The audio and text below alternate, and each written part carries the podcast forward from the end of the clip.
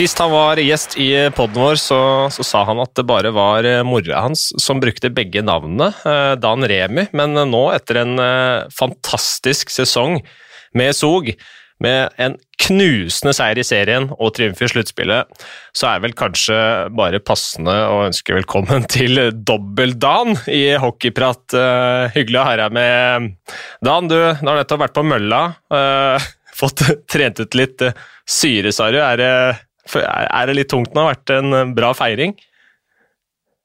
Ja, selv om det har vært litt vanskelig med alle koronarestriksjoner osv., så, videre, så fikk vi, fikk vi, til å feire litt allikevel. Så har litt gift i kroppen som eh, trenger å bli kvitt, så det passer bra å få svetta litt nå et par dager.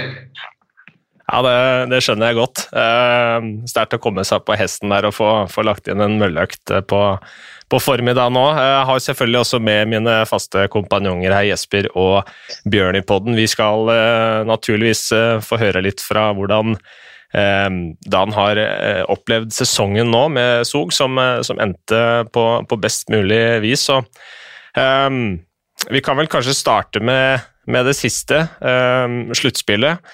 3-0 i finalen mot Genéve Serfet ja, sitter liksom med et inntrykk at det, det, var aldri noen tvil om hvem som var best i Sveits denne sesongen. her, da. Nei, jeg må vel si at etter den grunnserien eh, som var knallsterk, og eh, så var vi vel det beste laget, men i et sluttspill, så, og i hvert fall når, eh, i år når det ble best av fem i både semien og, og finalen, så kan jo fort mye skje. Og så vi gikk vel en hard kamp mot oss sjøl også, mentalt, for å uh, kunne spille med rett uh, anspenning. Og, uh, men i finalen så Det var veldig jevne kamper. Genéve var veldig gode, de også. Det var 1-0, 2-1 i første kampene. Det var 1-1 foran tredje periode i kamp nummer tre. Men jeg syns vi var et, et hakk bedre hele veien. Men ja, det var moro å få vinne. Ja, Hva sa du til gutta i garderoben før den tredje perioden? For det, det ble jo et eh, Hva var det, 5-1 i siste matchen her, eller? Nei, det var det er det som er moro med, med media nå etter, etter du har vunnet nå. Da, da, da, spør alle hva man sa som var så genialt før tredje periode begynte. Så at de helt plutselig begynte å skåre mål. Og, og, men eh, i hele sluttspillet her så var det jo liksom en, en uh, utfordring å få alle til å stole på den prosessen og det vi har gjort under lang tid under hele sesongen. De vanene man har bygd opp og, og spille på instinkt, uh, som man gjerne vil gjøre for å kunne prestere på sitt beste. Så uh, det var mer å minne dem på det, at vi skulle gå ut og, og spille den hockeyen som har gjort oss framgang som har fungert veldig bra over lang tid, og uh, nyte, nyte av det. Men i finalen så syns jeg vi spilte veldig avslappa og veldig fokusert. og Det var vel det som var uh, nøkkelen, syns jeg. Ja. Det er jo sikkert mange som hører på podkasten her som ikke liksom har et veldig godt forhold til altså Ja, resultatene deres eh, kan jo alle få se, men, men hvordan dere spiller og liksom filosofien din, kan du prøve liksom å, eller kan du sette litt ord på hvordan du ønsker at uh, Zug skal, skal fremstå på isen? Ja, det er vel som de fleste moderne lag og trenere, at man vil eh, holde i pucken så mye som mulig. Jo mer man har pucken, jo mer kan man kontrollere spillet også. Eh, det jeg syns vi har gjort oss unike eh, i Sveits i år, er at vi har vært veldig flinke til å velge når og fra øh, hvor vi skal ta avslutninger. Så vi har heller holdt i pucken enn å skyte fra alle mulige vinkler og øh, posisjoner. Og det har gjort at vi har vært veldig effektive. Så eie pucken så fort som mulig, og når vi taper den, vinne tilbake øh, så intensivt som mulig. Så det, vi vil ha fem spillere som er veldig aktive både når vi har pucken og når vi vil vinne tilbake. Det er vel det som er nøkkelen. Ja, et uh, hva skal man si, et uh, intenst lag, da, men det krever kanskje mye av deg. for Jeg husker jo forrige gang du var gjest, så, så snakka du litt om uh, kulturforskjellen og kanskje litt kultursjokket fra Sverige til Sveits, hvor at du i, i, Sverige hvor hadde liksom en gjeng som, som, kunne være veldig selvstendig og, og Eh, du trengte liksom ikke å, å, å styre altfor mye, mens i Sveits så måtte du nesten be dem om å sette høyrefoten foran venstre, og at de ikke måtte glemme å puste innimellom, eh, husker jeg, husker jeg du sa. Eh, krever det ekstra mye av deg å få et lag til å fungere på den måten, at man jobber ræva av seg fem mann utpå der hele tiden? Ja, både ja og nei, men det er klart at det, når du kommer til et nytt land og en ny kultur, og da gjelder det å være fleksibel og klare å anpasse seg til eh, lederskapet ditt, til eh, den kulturen du kommer til. Så jeg kunne liksom ikke bare copy-paste det, det, vi gjorde i Sverige og, og, gjøre akkurat det samme her. Filosofien blir jo den samme, men du må jo finne litt andre veier å nå fram til, eh, til hver enkelt spiller og til media og ja, til eh, alle som følger oss. Så det, det, det, er jo det som er litt av utfordringa og litt av moroa når du får prøve å, å, jobbe i andre land og i andre ligaer også, at du får uh, utfordra deg sjøl litt. Da. Absolutt, og det er vel en erfaring også det å være laget alle ønsker å slå. Altså, det er uunngåelig, spesielt etter en, en, serie sånn som dere hadde nå, at uh, det, det, var, det, var, laget folk helst ville slå. Det var Zug nå i, i sluttspillet. Ja, og det har vel bygd seg opp litt over tid. Det er vel eh, Ofte så har man en, en lang prosess før man klarer å, å, å vinne denne tittelen. Eh, vi har vært der i tre år nå. og Vi var i finalen første året og vi var i toppen i fjor. Da ble det ikke noe sluttspill. Så vi har jo liksom Og 2017 spilte de også finale i SUG, så de har jo vært, eh, vært nære veldig lenge. Og jeg syns at det har vært en prosess der som der vi liksom år for år har eh, lært av eh, erfaringer. og eh, Vi har snubla et par ganger og blitt sterkere av det. og Det har vært et eh, veldig sterkt driv hele året for å, for å endelig vinne den tittelen. Så det var eh, har vel gått og venta på det litt, men det er, det er veldig utløsende når det først kommer.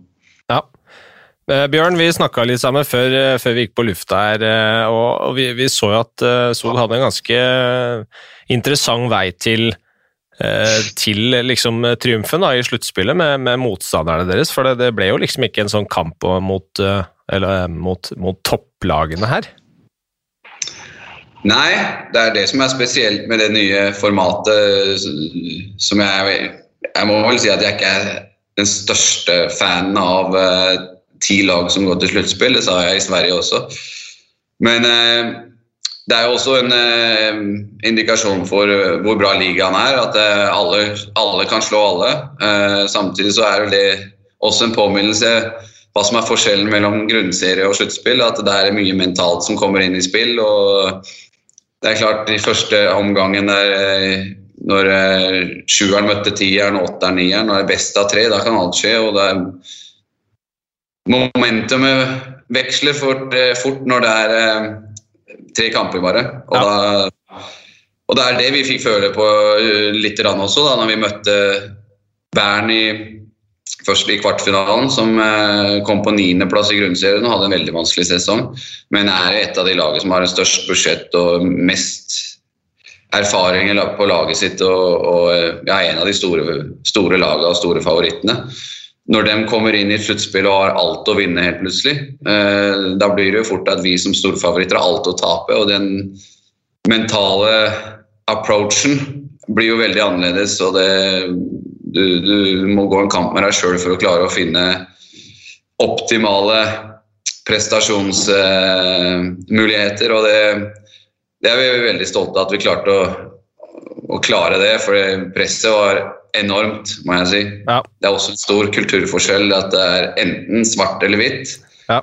Um, og vi har fått, fått, fått, føle på begge deler, så Du får ikke lov å prate bort et tap med at dere i hvert fall kom til mange sjanser og fikk noen eh, powerplay-mål imot?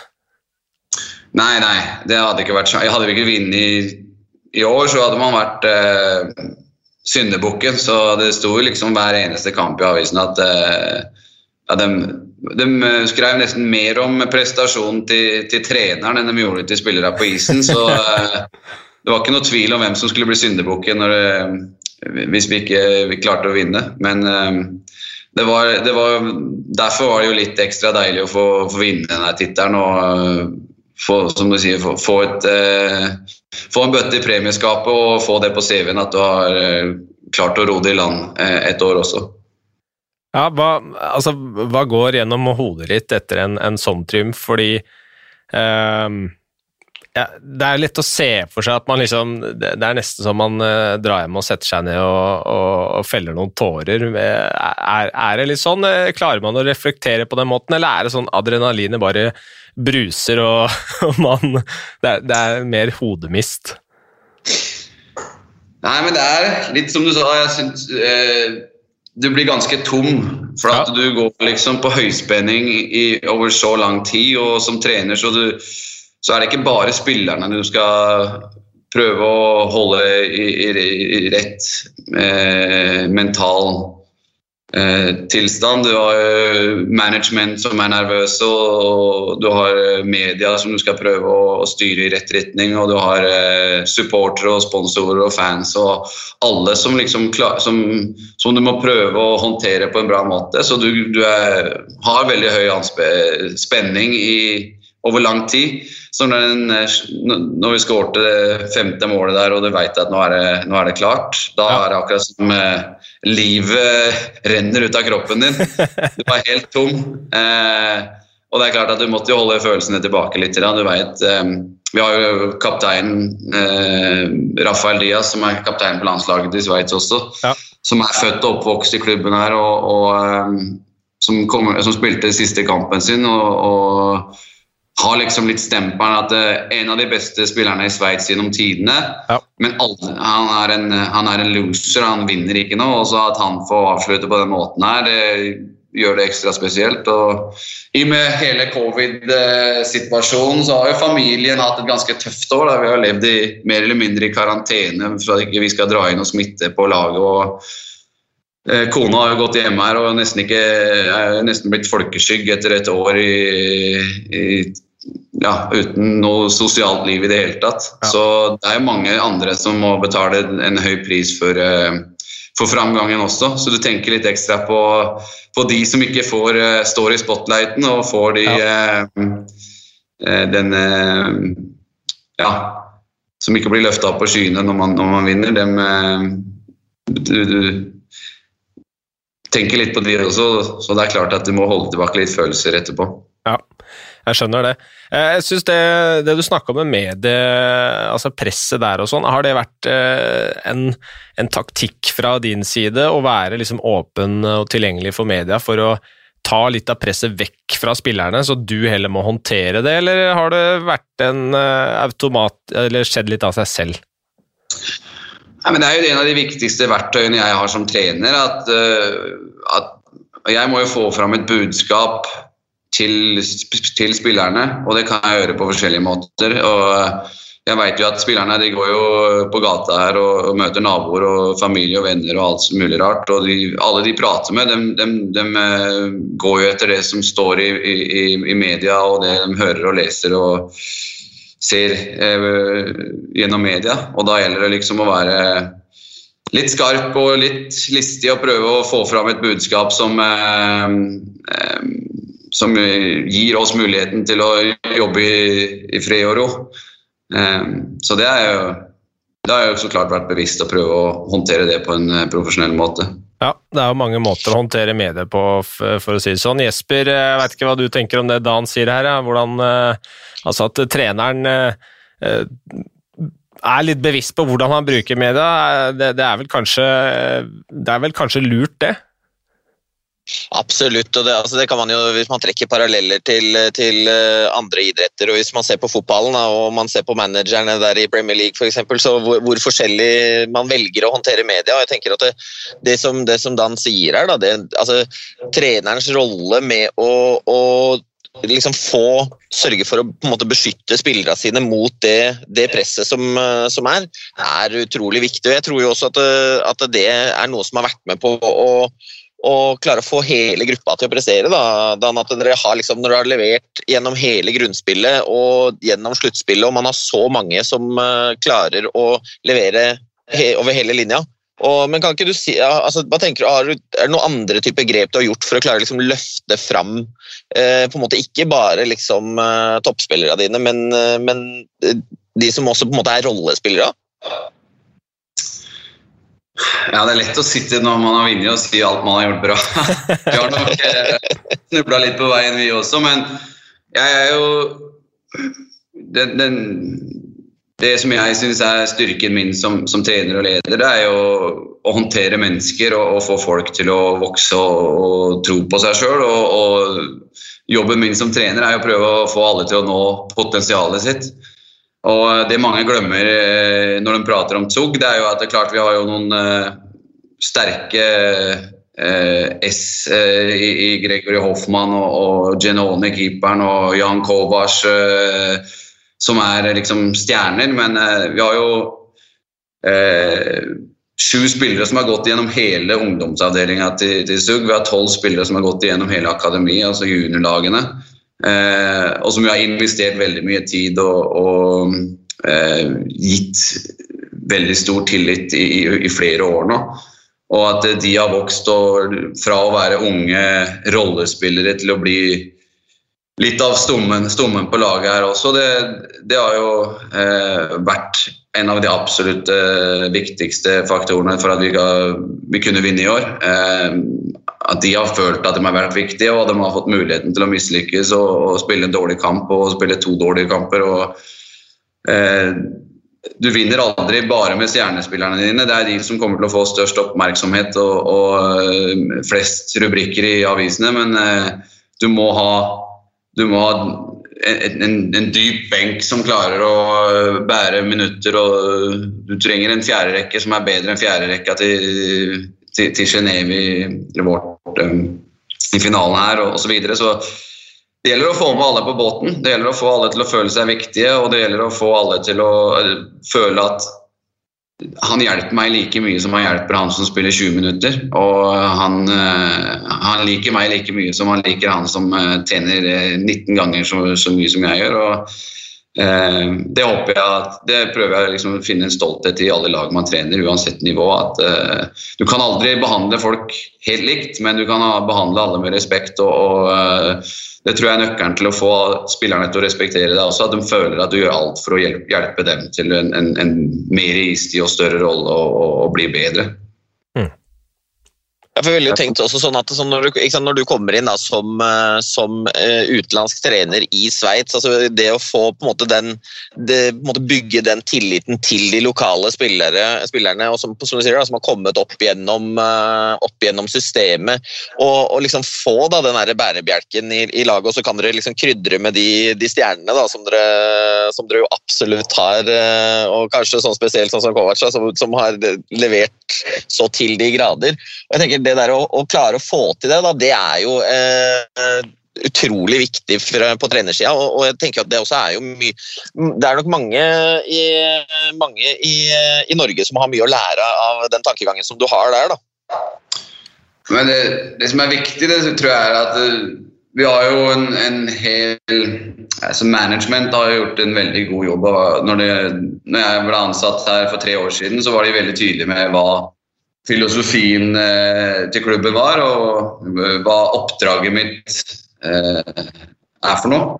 Og det var jo at vi skal være en eh, utfordrer til tittelen hvert år, men vi skal også sørge for at vi gjør det eh, gjennom å satse på egne talenter. og eh, og Det er det mulig, det er det som gjør det mulig at vi kan bruke litt ekstra kroner på å hente en spiller som Kovac eller Ronny f.eks. At du har uh, unge egne spillere som du må jobbe, hardt med å, å, for at de skal bli bedre.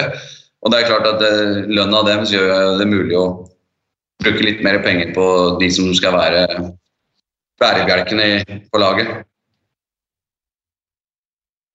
Ja. Uh eh, som vi snakka om i stad, sluttspillet ble jo litt spesielt. Eh, dere møtte jo Bern i, i kvartfinalen, og så eh, ja, sånn Rent på papiret så, så, ser det ut som dere liksom får en veldig fin motstander i semifinalen. Jeg vet ikke om det var et sjokk at Rapperswil, som kvala inn, eh, tok vel den siste kvalikplassen og kom på tiendeplass i serien. Eh, endte opp med å slå ut Lugano i kvarten, som endte på andreplass. Altså for Lugano må, må jo det ha vært en stor fiasko? Ja, det, det er det klart.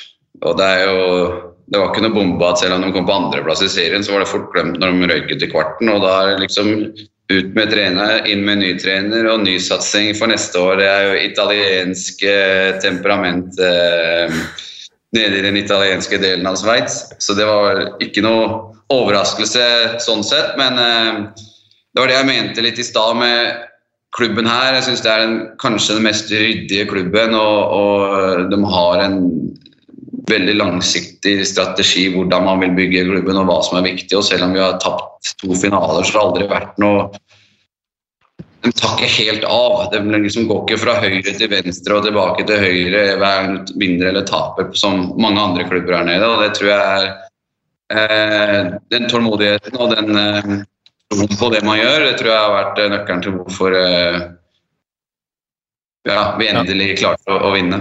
Ja, men, eh, sånn som I, i semifinalen så registrerte jeg det, de fire lagene, det var jo da dere som var seriemestere, og så var det lag fem, seks og ti var i, i, i semifinalen. Det er klart, det er jo veldig spesielt. Hva har gjort noen tanker om hvorfor det ble sånn? Tror du det bare er fordi det var bare best av fem og ikke best av sju? Korona korona, altså andre ting som var noe spesielt som skjedde som gjorde at man havna, i, havna der? For det er jo ganske unektelig spesielt at det er, at det er fire lag i en semi hvor det er liksom, eh, tre av de er liksom på den nedre delen.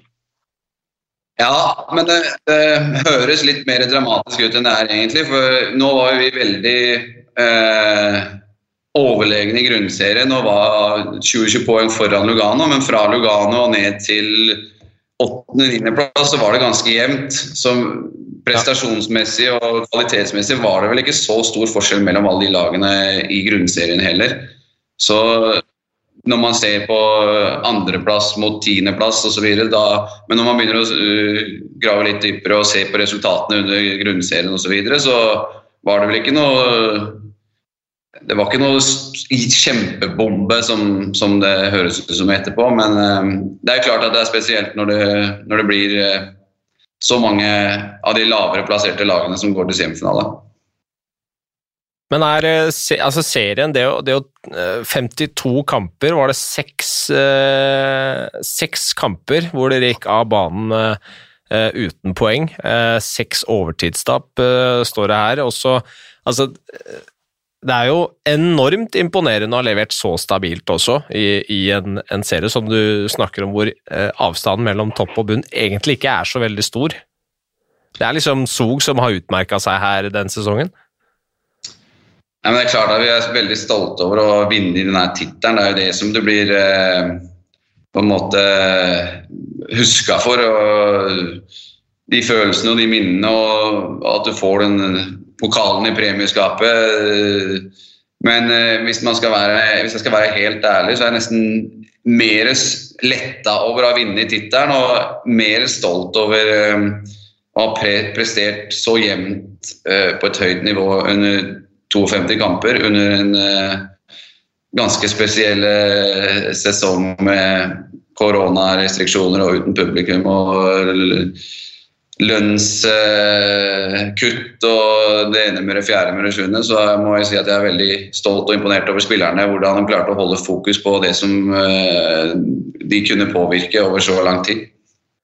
Syns du det er litt synd eller rart at det er sånn i hockeyen at liksom eh, når du teller opp til slutt, så, så kan du ha hatt en uh, forferdelig serie. Så lenge du vinner sluttspillet, så, så, har du hatt en fantastisk sesong. Har du en kjempebra serie og ryker tidlig i, i sluttspillet som Lugano, så er, så er, det en fiasko. Det at serien ikke har noe særlig status i det store bildet. Både ja og nei. Jeg syns det er det som gjør litt sjarmen med hockey. Eh, er at du har sluttspillet som skaper enorme følelser. Eh, og du, du, du, du, må være veldig mentalt forberedt på det også. Eh, samtidig syns jeg at grunnserien får altfor lite cred. Eller det, det, er ikke verdt nok. I, Sveits, I, Sverige så får du i hvert fall en million eller hva det er for noe som, som vinner av grunnserien. Eh, så det, det, det syns jeg at uh, statusen burde, burde, ligge litt høyere. og Det var det jeg mente i stad med at ti lag går til sluttspill. Det syns jeg er litt eh, Mickey Mouse, det også. At eh, hvis, du er, hvis du spiller 52 omganger og ikke er blant de åtte beste, da fortjener du ikke å gå til sluttspill. Så det, jeg skjønner at det er en kommersiell vinning i det, og at du får flere kamper og flere kamper som betyr noe og, og, og videre. Og for publikum så er det spennende, men for oss som jobber med det, så er det klart at det, du, du vil jo inn i sluttspillet som en av ett av åtte lag, ikke, ikke um, snike inn bakveien. Som, uh, så selv om det var en Askepott-eventyr med Rappersvill som kom fra tiendeplass, så fikk jeg veldig mye fans etter meg fra Rappersville som, at jeg, som ikke var spesielt glad i meg når jeg gikk ut og sa at de ikke fortjener å være i sluttspillet i det hele tatt. Så det blei noen ølbokser kasta på bussen der og uh, noe jeg var vel ikke den mest populære mannen rundt Zürich eh, noen dager, men det, det, tar jeg gjerne, for det står jeg for. Ja, Bjørn, det liker vi at noen tør å si ifra. Ja, ja, selvfølgelig. Skape engasjement på alle mulige, alle mulige, måter. og Så lenge man står for det i ettertid også, så får man nok sikkert respekt for det når ølboksen er regna ferdig. har, har, du altså sånn uh, Ref det der, har du gjort deg opp noen uh, tanker om Jeg vet ikke om du har fått med deg debatten i det hele tatt, ja, men denne Narvik-diskusjonen og, og, hva som skjer der, det har liksom reist debatten igjen.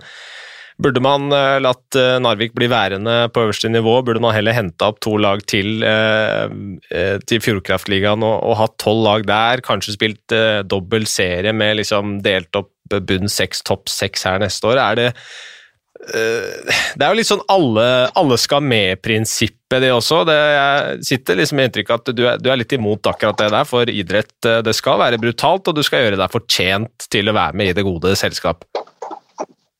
Ja, Nå har ikke jeg alle korta på bordet, så jeg skal vel ikke ha den høyeste stemmen i den eh, debatten her. Men jeg må jo, det jeg har følt med, så har jeg jo forståelse for begge sider. Jeg hadde jo vært veldig skuffa hvis det hadde vært Narvik og, og liksom ikke få muligheten til å spille om det ordentlig.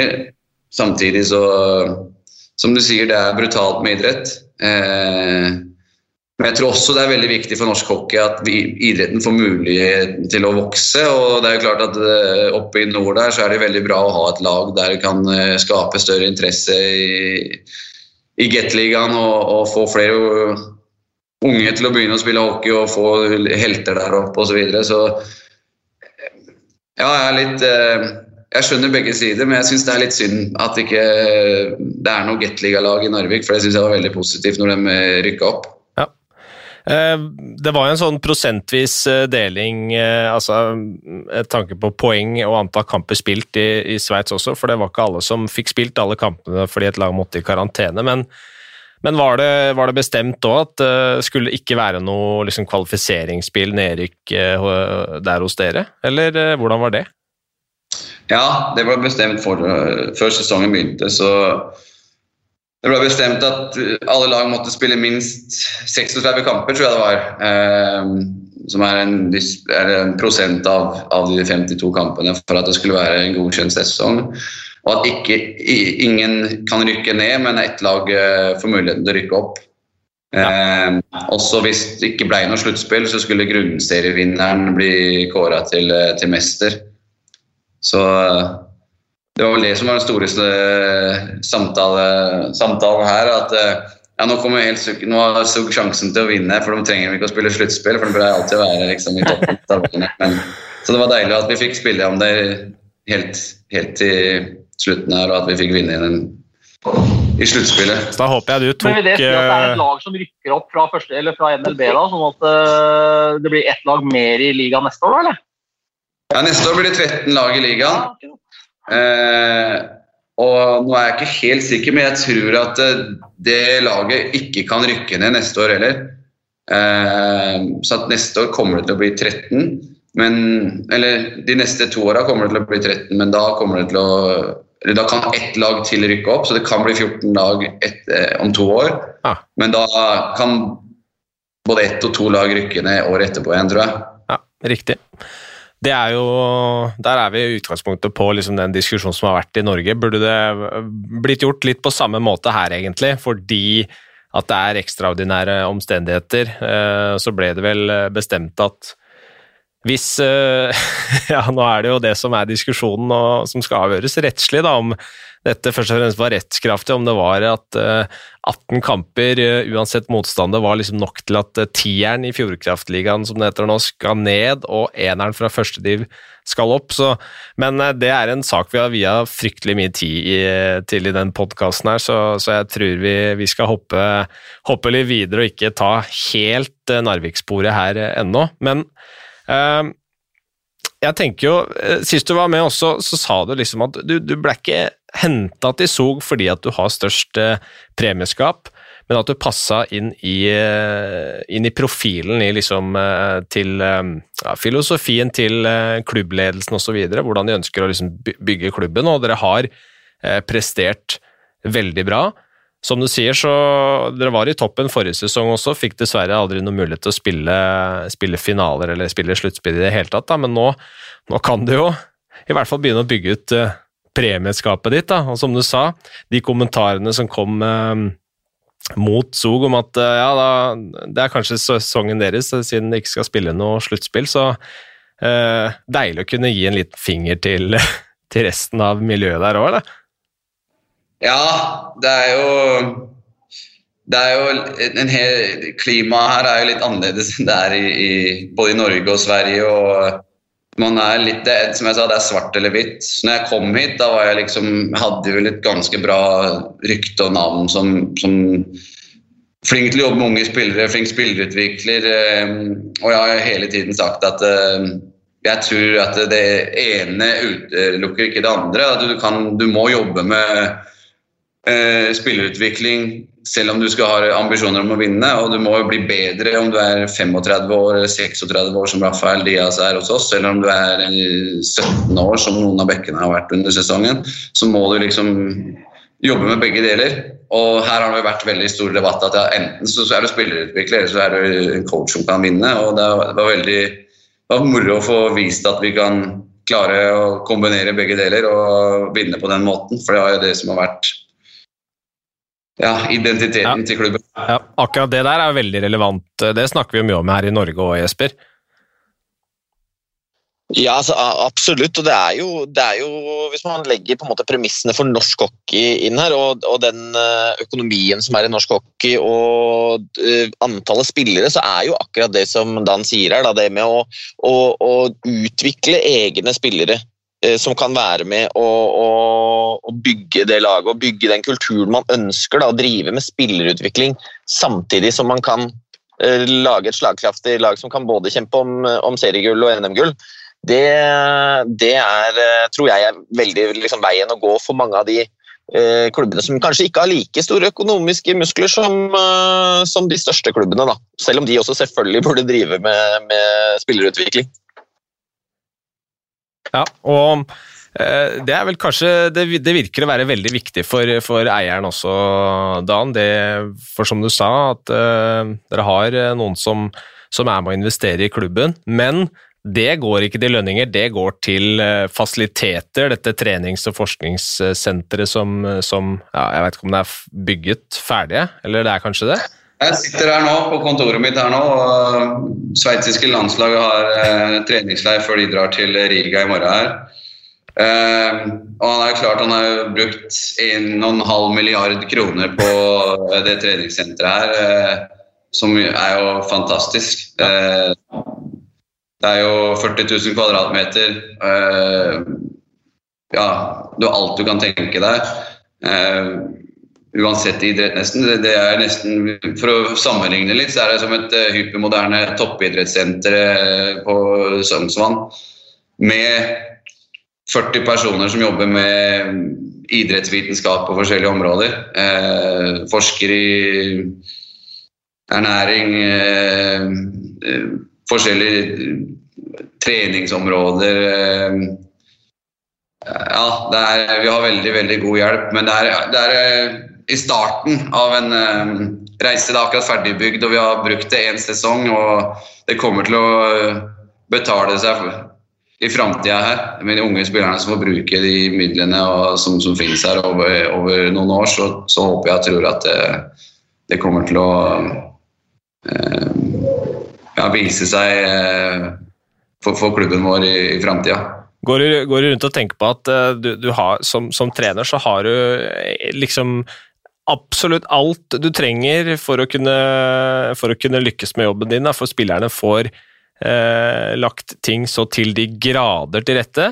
Eller tenker du fy fader og bortskjemte disse gutta begynner å bli for at de skal bli gode i hockey? Det er begge deler. Ja. Og det, er, det, gjelder å liksom minne dem på uh, hvor bra de har det. og altså, Alle ressursene som, som uh, de har tilgang til. Og at det gjelder å liksom bruke dem så smart som mulig. Så det er absolutt ikke sånn at uh, vi, vi, tar noe for gitt eller prøver virkelig å skape et miljø her der vi stiller høye krav på alt og alle for at vi skal kunne ta til vare på de mulighetene vi har. Og, eh, og da gjelder det også å prøve å rekruttere rett spillere som har eh, ambisjoner og som, har, eh, som er sultne og som virkelig vil ta karrieren sin til, til neste nivå. Er klare for å betale en høy pris for det også. For, så det, det passer ikke alle. Nei. Men når du snakker om eh, sant, altså Selvfølgelig spillerne skal jo ha ambisjoner og man skal uh, utvikle seg og sånn. Jeg tenker sånn nå da, nå når du har uh, sittet igjen med pokalen her nå, hva, er, uh, hva, hva, er ambisjonsnivået ditt videre? Hvor går veien videre for, for Dan Tagnes? Ja, nå har jeg skrevet tre år til her med SOG, så foreløpig så, så er det jo har, har, mer jobb her å gjøre. Nå har vi fått smake litt på eh, følelsen av å vinne en tittel, så vi vil gjerne gjøre det igjen. Men det er klart at det blir jo alltid sånn når du får oppmerksomhet og vi vinner eh, mesterskap, at det, det, folk får, får, det med seg. Så eh, det er jo klart at det er en, en drøm i framtida at man skal få jobbe borte i Nord-Amerika og få jobbe med de beste spillerne og trenerne i, i verden. Um, men du, dere har jo fått med dere hvor mange europeere de har der borte.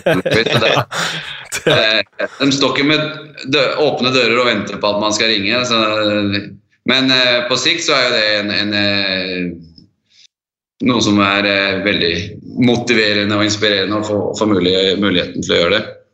Ja, Det er klart at de, de, er vel også opptatt av å kikke litt inn i, inn i premieskapet til den eventuelle treneren de er ute etter. og Da er det greit å få bygd opp, bygd opp den, det litt solid der. og det jo, Du fikk, ble vel også kåra her til årets trener i Sveits, vel fortjent. så det er jo kjempemoro. og det, jeg tenker sånn, Du baner jo litt vei for, eh, for andre norske trenere òg, hvis man skal på en måte dra det litt eh, tilbake til, til Norge. Og hva, hva, tenker du sånn, Hvis det er altså, norske trenere som ønsker eh, å komme seg ut og ha, har ambisjoner om det, har du noen tips, og, og hvordan kan de jobbe for å nå den type mål? Ja, det er Vanskelig å si. Altså, den viktigste egenskapen tror jeg er at man liksom alltid har eh, ører og øyne åpne og er, eh, er sulten på å lære seg nye ting. Og man kan lære seg ting av alle og forskjellige idretter og forskjellige ledere og osv. Eh, jeg prøver å prate med så mye folk som mulig så fort man har litt tid og, og får, man får inspirasjon av. og og, og, tørre å dyppe tæra litt i det kalde vannet også. Det, ja. det var mange som syntes det var litt rart at jeg eh, for når jeg først tok jobben i Røgle, da var jeg juniortrener og hadde bare vært juniortrener i et par år og følte vel ikke at nei faen, dette er langt over, eh, dette er ikke jeg klar for. Og det var jeg sikkert ikke heller. men den, de erfaringene man, man, fikk der, selv om man rykka opp første året og så rykka man rett ned igjen uh, året etterpå, så var jo de veldig viktige erfaringer å få med seg. At man tør å, å tråkke litt utafor komfortsona og ta de sjansene som kommer. Eh, og at man er eh, man, man, eh, ja, man er åpen for eh, å lære seg nye ting hele tida. Og kanskje det viktigste er at man, kjenner, man lærer å kjenne seg sjøl. At man veit hvordan man fungerer når det går bra, når det går dårlig, når man er pressa, når man er stressa. Så man klarer å liksom eh, håndtere seg sjøl eh, på, på, en bra måte og kan gjøre det bedre og bedre også. Det, Men jeg tror at det er mange flinke norske trenere. Jeg mener Sjur Robert gjorde en kjempejobb i Leksand når han var der. Eh, jeg syns det, det, er moro. Jeg har fått besøk av noen, noen trenere i Linköping da jeg var der. og, og eh, vi er veldig åpne for når covid tillater det, at det kommer trenere hit og får Så jeg syns det er moro når, når trenere liksom søker litt informasjon og inspirasjon sjøl. Ja. Det har jeg alltid prøvd å gjøre. at man jeg kan, ringe, jeg kan ikke, sitte på ræva og vente på at uh, de skal ringe fra NHL og spørre om jeg er interessert i å komme, men jeg kan jo dra over og prøve å lære meg mer om hockeyen eh, i, i, i Nord-Amerika og kulturen her, og hva som er annerledes med å være trener i, i der borte sammenligna med Europa osv. Og, så uansett nivå så tror jeg det er at man er, er litt sulten og er litt eh, frampå og, og lener seg litt foran og, og, og tar tak i ting sjøl. Det tror jeg er viktig. Jeg tenker jo Det er jo en, virkelig en oppfordring til alle litt sånn unge fremadstormende trenere i Norge eh, også. da, ikke sant, at Det å kunne, det å tørre å lene seg framover, ta kontakt, da, ikke sant, kanskje det er som du sier da, når covid er over, kanskje få muligheten da, til å komme ned til sånn som hos dere Se hvordan ting funker i en, eh, i en ordentlig profesjonell hverdag, og hvordan man jobber med, jobber med alt fra spillerutvikling, det taktiske, man management, du har media det, altså Hele det trykket. Hvordan, hva må du være forberedt på for å, å kunne ta steget fra om det er eh, juniorhockey til seniorhockey fra Norge til om det er til Sverige eller om det er til noen andre land. Altså det tenker jeg er en kjempeoppfordring til mange. Det er mange flinke i, i norsk hockey òg, så det, det, håper jeg det er noen som følger opp. Ja, alltid, jeg har alltid sagt at jeg har ringt rundt til litt forskjellige trenere og, og mennesker i idrettsbransjen og aldri liksom blitt dårlig mottatt eller at noen ikke har liksom vært villig til å dele av sine erfaringer eller. Og, så og det, det, tror jeg alle, alle mennesker liksom vil. Man vil at andre skal lykkes og ha det bra. og det er, Jeg håper at uh, det finnes andre norske trenere som finner litt inspirasjon i at man kan lykkes i utlandet. og, og eh, Det har jo ikke minst fotballen vist nå, med både Ståle Solbakken og, og Ole Gunnar som eh, trener kanskje den største klubben i, i, i verden. At man eh, ja. Er, eh, er, Solskjær din største konkurrent på idrettsgallaen eh, neste år? Er årets trener? Jeg veit ikke om han har så mange konkurrenter, Ole Gunnar. for å være helt ærlig. Nei, men Det finnes veldig mange flinke ledere i, uh, i norsk idrett. Det er, jo, er det noe vi skal være stolte over i Norge, så er det jo hvor mange Eh, framgangen vi har i forskjellige idretter. Bare se nå på Kasper Ruud i tennis, som er en av de største idrettene i verden. Man har eh, Viktor Hovland, som er eh, liksom, høyt ranka i golf. Og i Norge der vi kan spille golf i ti dager om året. Det er jo imponerende at vi får fram så mange flinke idrettsutøvere. Og det kommer jo fra flinke idrettsledere også, så klart. Og det var det vi prata om i NHL i stad. Ser man hvor mange europeiske spillere som er i NHL i dag, så er det jo bare et spørsmål om tid når det kommer en europeisk eh, leder og trener som, som kommer til å forandre tradisjonen eller kulturen litt der borte også. Så eh, Nei, det er veldig moro og inspirerende med, med mange prestasjoner som vi følger med fra Sveits her. Og, og, i hvert fall med, med, med Ole Gunnar som eh, uten veldig mye erfaring styrer en ganske stor skute i, i, i, i idrettsverdenen. Ja. Vi har fått et spørsmål fra uh, Kjør på det, Jesper. Nei, det var, det var liksom akkurat den der litt tilbake til da, når, når, eh, sånn, når du ble ansatt i SOG. Da, at det at man, en, man, finner en trenerprofil som passer inn i den filosofien man ønsker seg for, for klubben, så altså, betyr jo ikke nødvendigvis det at du skal ha verdens lengste CV, som når du på en måte refererer til Solskjær der. da, at eh, liksom, du må ikke ha hatt uh, leda klubber i alle verdens land for å få en såpass uh, uh, høy uh, trenerrolle da, som det han har. Også, og litt sånn som for din del, når du kom fra svenskehockeyen her og blir headhunta inn fordi du passer til den filosofien. Og Det tror jeg vel også er litt sånn det, det å, for en del unge trenere, det å, å, finne noe som man virkelig står for og brenner for. og Det er sånn man ønsker å være, å komme seg inn i klubber som tenker likt. da. Ja, det tror jeg er viktig. Og At man finner seg liksom, man nisjer seg litt at dette, dette er det jeg er flink til, dette er det jeg står for. Og hvis du sammenligner de forskjellige trenerne i fotballen eller ishockeyen, eller hva, det spiller ikke noen rolle, liksom, så har du en ganske tydelig forskjell og, på Mourinho og Solskjær, for å si det sånn, da, for å dra ja. det helt eh, men, og, og, det tror jeg er viktig, at man liksom står for noe som trener som det er enkelt for folk å, å få med seg, og, se hva, hva er det vi trenger, og hva er det som passer. Og det var jo det som gjorde, gjorde, det mulig for meg å få jobben her i SUG. Det var ikke at jeg hadde stua full med pokaler og, og, og premier. Det er, det er litt sånn relaterbart kanskje for spillere, akkurat det her også. at uh, fordi veldig mange er alltid på jakt etter råd om liksom, ok, hvis jeg er en, uh, en ung spiller som ligger litt i skorpa, jeg får, uh, altså skal, jeg, skal jeg spille i toppen i førstedivisjon, skal jeg spille krige i Fjordkraftligaen og få en, en rolle i tredje-fjerde rekka? kanskje håpe på noe mer tillit etter hvert, eller skal jeg reise utenlands? Men det handler vel om det å kanskje aktivt søke litt etter prosjekter som, som passer, passer deg sjæl, da? Det jeg tror undervurderes veldig ofte, det er hvordan eh, den daglige virksomheten ser ut. Altså, du må tenke at Hvis du er juniorspiller eller liksom er på grensa, du spiller kanskje 50 kamper per sesong, så har du kanskje 150-200 treningspass. Så den største delen av utviklinga di skjer under de 200 treningspassene. Mm. At du har bra, et bra miljø og, og bra, sunt eh, eh, Hva skal jeg si en, en, sunn klubb og sunne trenere og, og eh, et, lag som liker å trene og som og, klarer å holde opp et høyt nivå hver dag, det tror jeg er den absolutt største nøkkelen til all utvikling. Så det er klart at det hjelper jo om du får spille mye kamper også, men det er viktig å ikke undervurdere det som skjer i hverdagen. Ikke ja. bare det som skjer når kameraet er på, som, uh, som alle andre kan se. Det som, det som, skjer når ikke alle ser, det er nok det som er den største nøkkelen til å, å ta skritt i utviklinga. Ja.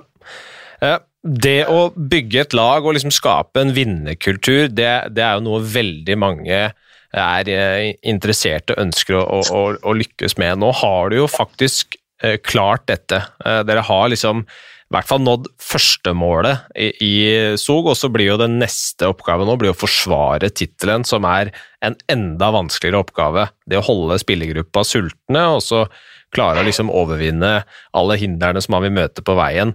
Men, men har du noen, altså noen, ting som du kan dele med eh, lytterne våre som ønsker altså Se for deg en, en ung fremadstormende trener som som eh, trener et U16, U14-lag. som liksom Det å bygge, bygge, et lag og skape den vinnerkulturen, da. Hvordan, eh, hva, har vært din eh, oppskrift? Ja eh, Litt som jeg var inne på i stad, jeg tror det er viktig det som skjer hver dag. At du klarer å holde fokus på det du kan kontrollere og det du kan gjøre noe med. Det er nok den største grunnen til at vi har hatt en bra, en fin sesong her nede nå. Eh, og Spesielt i år med tanke på hvor mange unnskyldninger man kan finne for å ikke prestere og ikke gjøre hver eneste trening viktig og ikke gjøre hver eneste kamp viktig, for det er ikke noe publikum her, og de har kutta lønna vår, og de har eh, Vi veit ikke hva som skjer neste uke, og osv. Men eh, jeg er helt overbevist om at hvis du investerer veldig mye i hver enkelt spiller, hver enkelt individuelle utøver, så, så får du tilbake veldig mye også. Ja. Men så fort, du, så fort du ikke ser noen, og så fort du ikke liksom, er der og stiller krav og eh, da, da, forsvinner den kulturen, kulturen, veldig fort. Så det er ikke noe hemmelighet eh, bak det, mer enn at du må liksom være på jobb hver eneste dag. Du må eh, støtte og hjelpe og sparke hverandre i ræva litt når det trengs eh, for at du skal få noe framgang. Og det er en hard jobb. Det er enkelt å liksom ta en fridag innimellom og ja, nå, må, nå trenger jeg å Men da, da, gjelder det at noen andre kan, kan, kan være der og å påminne og, og, være aktiv. Og det er det jeg tror er absolutt nøkkelen uansett. Og det kan man jo gjøre på forskjellige måter, men engasjementet i hver enkelt spiller, det tror jeg er det absolutt viktigste. Mm. Det er jo Du skal jo ha en del exit-samtaler, var det det du kalte det, med noen spillere om ikke veldig lenge. Jeg er litt usikker på hvor lang tid tid du har, Dan, men uh, vi skal i hvert fall bruke de, de få minuttene vi, vi har igjen. Uh, for uh, vi må litt innom Vi har fått et spørsmål også fra Tor Hagenborg, som, som refererer til en artikkel fra Aftenposten som, hvor det står at du, du, du utelukker ikke en, en Vålerenga-retur. så, så det er vel kanskje veldig langt fram i tid. Jeg, jeg, ser ikke for meg at neste trinn på stigen er at uh, er at uh, man skal til, til Vålinga og være med å fylle Jordal nå, etter å ha vunnet i Sveits. Men uh, så er spørsmålet fra Tor hva med landslaget? Er det noe du tenker på, eller er det sånn at man tar som det kommer? Ja, man jeg sa det når jeg, spør, når jeg fikk spørsmål om eh, framtida. Så man skal aldri utelukke noe i denne bransjen. her. Det er lett nå når du har liksom vunnet og når du får mye oppmerksomhet og uh, livet leker, at du, du ser opp mot skyene litt. Men uh, man har ikke glemt hvor man kommer ifra. og man har ikke, Det har alltid vært moro å kunne liksom hjelpe til i norsk hockey og jobbe med norsk hockey på en eller annen måte også. Ja. Uh, jeg trives veldig godt i, med, med, et klubblag. Eh, landslaget er noe som kan, kanskje kan bli aktuelt i framtida, men eh, eh, jeg tror jeg har altfor mye energi akkurat nå til å jobbe eh, på distanse. Det. er jo litt, det er en litt annen arbeidsbeskrivning som å jobbe med et landslag eh, sammenlignet med et klubblag. Men eh, det er klart at det hadde vært moro å, få, få hjelpa til der på en, en, eller annen måte også i framtida, og kanskje være landslagstrener. Men eh, prøver å ikke tenke altfor langt inn, inn i, inn i framtida. Men det, det, kan vel bli aktuelt kanskje noen gang i framtida, men ikke de nærmeste årene i hvert fall. Jeg er fortsatt ung, vet du. Det er mange år igjen ja, av karrieren. Resten av fordelen med å være trener. Du er ung fram til du er pensjonist nesten, så det er um du ser man kan holde på lenge. Bob Hartley som tok uh, Gagarin Cup nå, så det, han, han, har vært med en stund, han. Så som du sier, det, det er, eh, det er, mulig å jobbe i ganske mange år til. Um, ja, har du NHL-ambisjoner òg? Snittalderen der er vel snart 80 år på den gjengen som driver og bytter klubber borti, borti Nord-Amerika. og Det kommer en gammel kjenning til Sverige nå. Barry Smith han hadde jeg som U12-trener i 1853 når han var A-lagstrener for Frisk samtidig. Så var han litt og jobba med oss eh, på småguttlaget òg. Han er ny trener i Urgården, så du har mange år igjen. ja, det er, eh, det, er, det er, sånn, og det er ganske interessant at ja, For det første så er det mange som har veldig imponerende karrierer. Men eh, det er jo interessant at de går liksom rundt og rundt og rundt i Nord-Amerika i veldig veldig mange år. For det er jo folk som kjenner hverandre og som har et forhold til hverandre og noen relasjoner. Det er jo sånn hele verden fungerer. Eh, men vi får vel håpe at det før, om ikke altfor lenge, at det kommer noen eh, europeere som kan vise veien og være litt pionerer igjen. Jeg syns at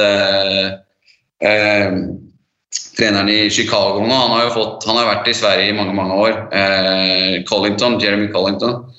Og har, hadde veldig lite erfaring. Han vant jo Allsvenskan med Mora, og så gikk han rett over til, eh, til eh, Chicago. Han var vel i tre måneder i, i farmelaget til eh, i, i Rockford, farmelaget til eh, Chicago. Så ja. jeg tror at eh, det er flere klubber som får opp øya for at det det jobbes på en bra måte på mange steder i Europa også. og eh, jeg tror ikke det tar altfor lang tid før eh, Rikard Grønborg eller ja, hvem det nå måtte bli, kommer til å få sjansen der borte. Mm.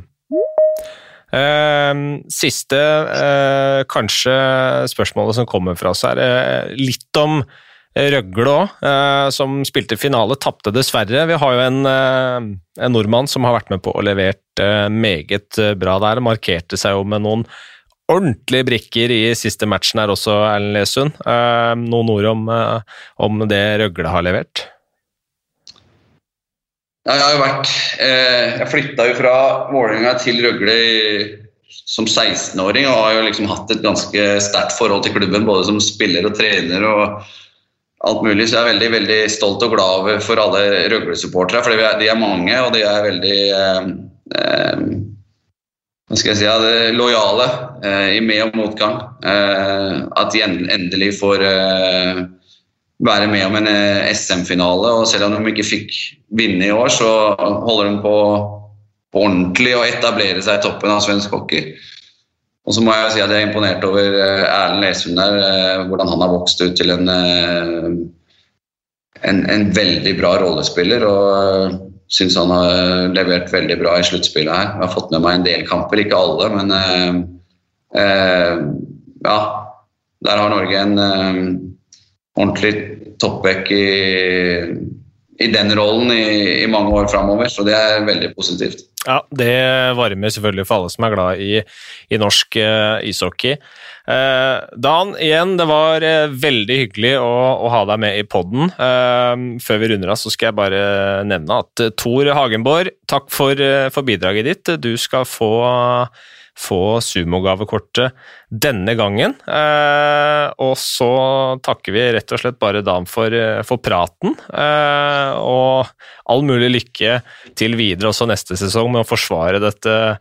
Denne tittelen. Det, det, blir jo ingen enkel oppgave, det. Kan jo også minne om at det er jo to siste landslagsmatchene før VM-oppkjøringen for Norge sin del. Eh, den ene av de to spilles mot Danmark i kveld, den andre spilles i morgen. Den skal vi vise. Jeg og Jesper skal kommentere, så, så det er bare å bli med der. Eh, jeg veit ikke om du skal, skal, se matchen da, men jeg regner med at du skal følge med litt på, på VM? skal jeg følge med litt på VM, men jeg tror jeg må jobbe hardt med kona for å få, få på noe hockey på TV den kommende uka her. Så jeg tror jeg må spare det til VM starter her. Jeg syner den.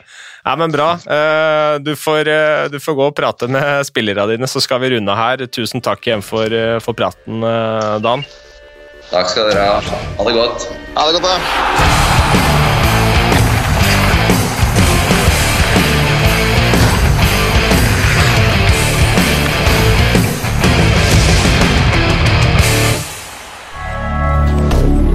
moderne media.